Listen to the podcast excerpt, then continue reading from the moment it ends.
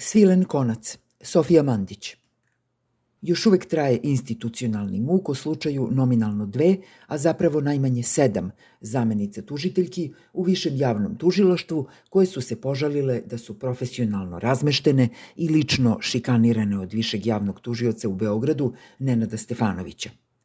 Prošlo je tačno mesec dana od kada je Bojan Isavović, a zatim i Jasmini Paunović u sred radnog dana oduzet predmet o poslovanju JP Elektroprivreda Srbije. Prošlo je tri nedelje od kada su Savović i Paunović u ovom slučaju dale usmene, a zatim i pisane izjave povereniku za samostalnost Državnog veća tužilaca – Iako je ovaj poziv za izjave uputio sam poverenik, do današnjeg dana on nije obavestio DVT da je utvrdio činjenično stanje u ovom slučaju i nije predložio zakazivanje sednice Državnog veća tužilaca na kojoj bi se raspravljalo o predlogu poverenika o nepostojanju neprimerenog uticaja koji je izvršen na tužiteljke. Sudeći prema zvaničnim informacijama, poslednja sednica DVT održana je 23. januara – 23. januara, dakle daleko pre nego što je do slučaja o kome ovde reč došlo. Mrtvijim snom spava Državno veće tužilaca, iako je njegov osnovni ustavni zadatak zaštita samostalnosti javnog tužilaštva i javnih tužilaca. Kroz iznenadne neprilike koje su ga snašle, sitno veze poverenik i član Državnog veća tužilaca Milan Tkalac. Ne kaže se tek tako, ima je znak, latinski nomen est omen – Međutim, koliko god da je vez sitana, možda i dobro uvežban, vreme ističe, a strpljenje javnosti se tanji. Gospodin Tkalac i njegova šefica Dolovac pred sobom imaju nezgodnu prepreku.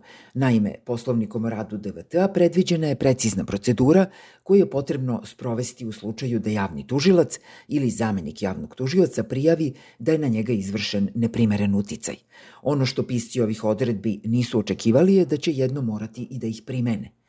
Računali su da za njihovog vakta tužilačka omerta neće biti prekršena.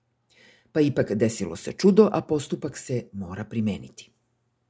Članovima 21V i 21G poslovnika o radu DVTA poverenik je ovlašćen da prikupi sve dokaze, informacije ili izjave koje pružaju dovoljno osnova da se može odlučivati o postojanju nedozvoljenog uticaja.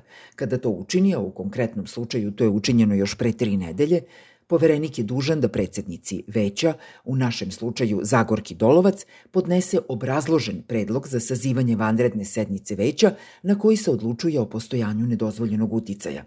Predsednica veća je dužna da takvu vanrednu sednicu sazove bez odlaganja. Kao pomoćno sredstvo u proceni trenutnog nepostupanja DVT-a mogu nam poslužiti nasumično odabrana tri poslednja slučaja u kojima je poverenik za samostalnost odlučivao krajem 2022. godine. Sasvim slučajno, u dve od tri odluke, 1. i 5. 12. 2022. poverenik je postupao po zahtevima koje mu uputio viši tužilac Nenad Stefanović. U oba slučaja Tkalac je saopštenja za javnost kojim odgovara na zahteve Stefanovića objavio roku od tri dana od dana njegovog prvog obraćanja DVT-u. Kada je reč o trećem slučaju, koji se tiče mogućeg nedozvoljenog uticaja na zamenika višeg javnog tužioca u Novom pazaru, poverenik se izjasnio u sličnom vremenskom rasponu, u roku od samo pet dana.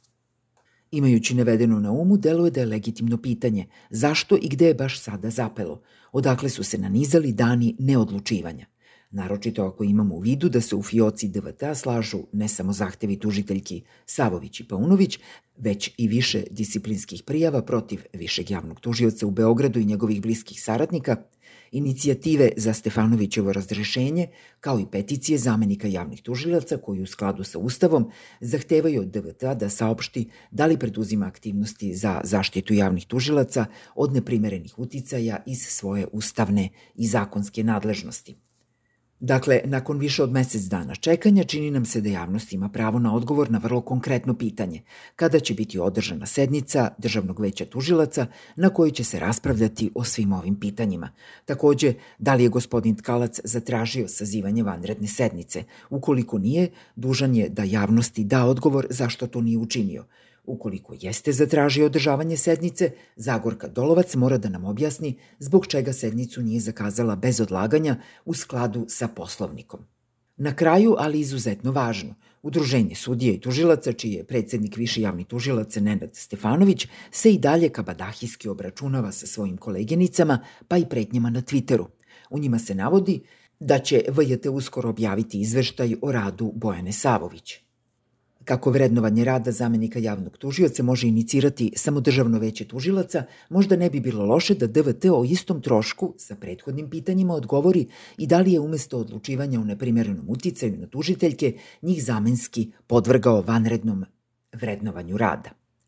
Ukoliko to nije slučaj, bilo bi dobro da DVT pouči višeg javnog tužioca da je delovanje svog profesionalnog udruženja temeljno pomešao sa postupanjem državnog veća tužilaca, što je ne samo opasno, već i kažnjivo. Treba primetiti i da se ministar Ivica Dačić gorko požalio kako se ambasador SAD-a Christopher Hill pružanjem podrške tužiteljkama Savović i Paunović grubo meša u unutrašnja pitanja Srbije – U Twitter objavi ambasade SAD-a koja je zasmetala Dačiću se navodi Nezavisno pravosuđe i borba protiv korupcije ključni su za napredak Srbije, a naročito njeno članstvo u Evropskoj uniji. Sjedinjene države u potpunosti podržavaju Srbiju u tom nastojanju i cene partnerstvo profesionalaca u tužilaštvu koji su toga svesni, poput Bojane Savović i Jasmine Paunović. Dačićev protest je hronološki precizno ispratila i disciplinska prijava dežurnog provladinog udruženja protiv Savović i Paunović. U ovoj prijavi se tvrdi da su tužiteljke sastankom sa ambasadorom pokazale da su partneri strane države i da je potrebno dokazati da nisu odavale podatke iz istraga koje su vodile. Drugim rečima, tužiteljke su se, prema navodima prijave, upustile u špionsku delatnost. Pre nego što Dačić i njegovi NVO partneri nastave da se sekiraju, jer im se učinilo da je Hill pritegao svilen konac, ali na štetu Stefanovića i zbog nepostupanja institucija Republike Srbije u zaštiti dve tužiteljke, podsjetit ćemo ovde na dve činjenice. Prva nas vodi direktno na sajt Republičkog javnog tužilaštva, koji nas u odeljku preporučujemo, ljubazno vodi na izveštaje o dva sastanka Zagorke Dolovac sa američkim ambasadorom.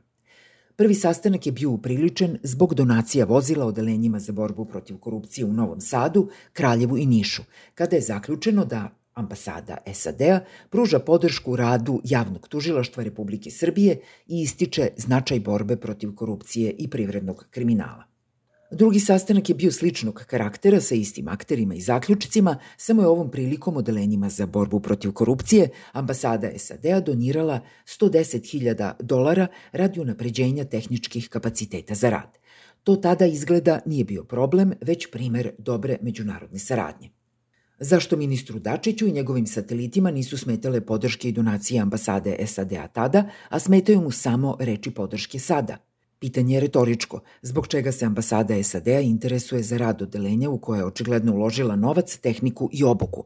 Verovatno jer žele da vide da se uloženo koristi u borbi protiv korupcije, a ne u svrhe njenog daljeg rasplamsavanja. Ovde ćemo podsjetiti i na reči Dačićevog koalicijonog partnera Aleksandra Vučića koji je još 2017. godine u ekspozeu u Narodnoj skupštini organizovani kriminal, korupciju i pranje novca stavio u transnacionalni kontekst. Čak i da Vučić to nije učinio, bilo bi nam jasno da se radi o pojavama međunarodnog, a ne unutrašnjeg karaktera, kako to Dačić sada iznenada primećuje. Zanimljivo, Vučić je 2017. rekao da je korupcija uništila naše društvo i da će za njeno eliminisanje biti potrebna reforma tužilaštva i krivično-pravnog sistema. Na kakvu tačno reformu je tadašnji predsednik vlade mislio, možda ćemo saznati šest godina kasnije. Zato ćemo sa pažnjom pratiti sednicu Državnog veća tužilaca, a to će očigledno činiti i predstavnici stranih zemalja u Srbiji, sviđalo se to nekome ili ne. Sednicu bi zato bilo dobro sazvati uskoro i dobrovoljno u skladu sa propisima, kako ne bismo morali ponovo da je tražimo pred jedinom srpskom funkcionalnom institucijom, ulicom.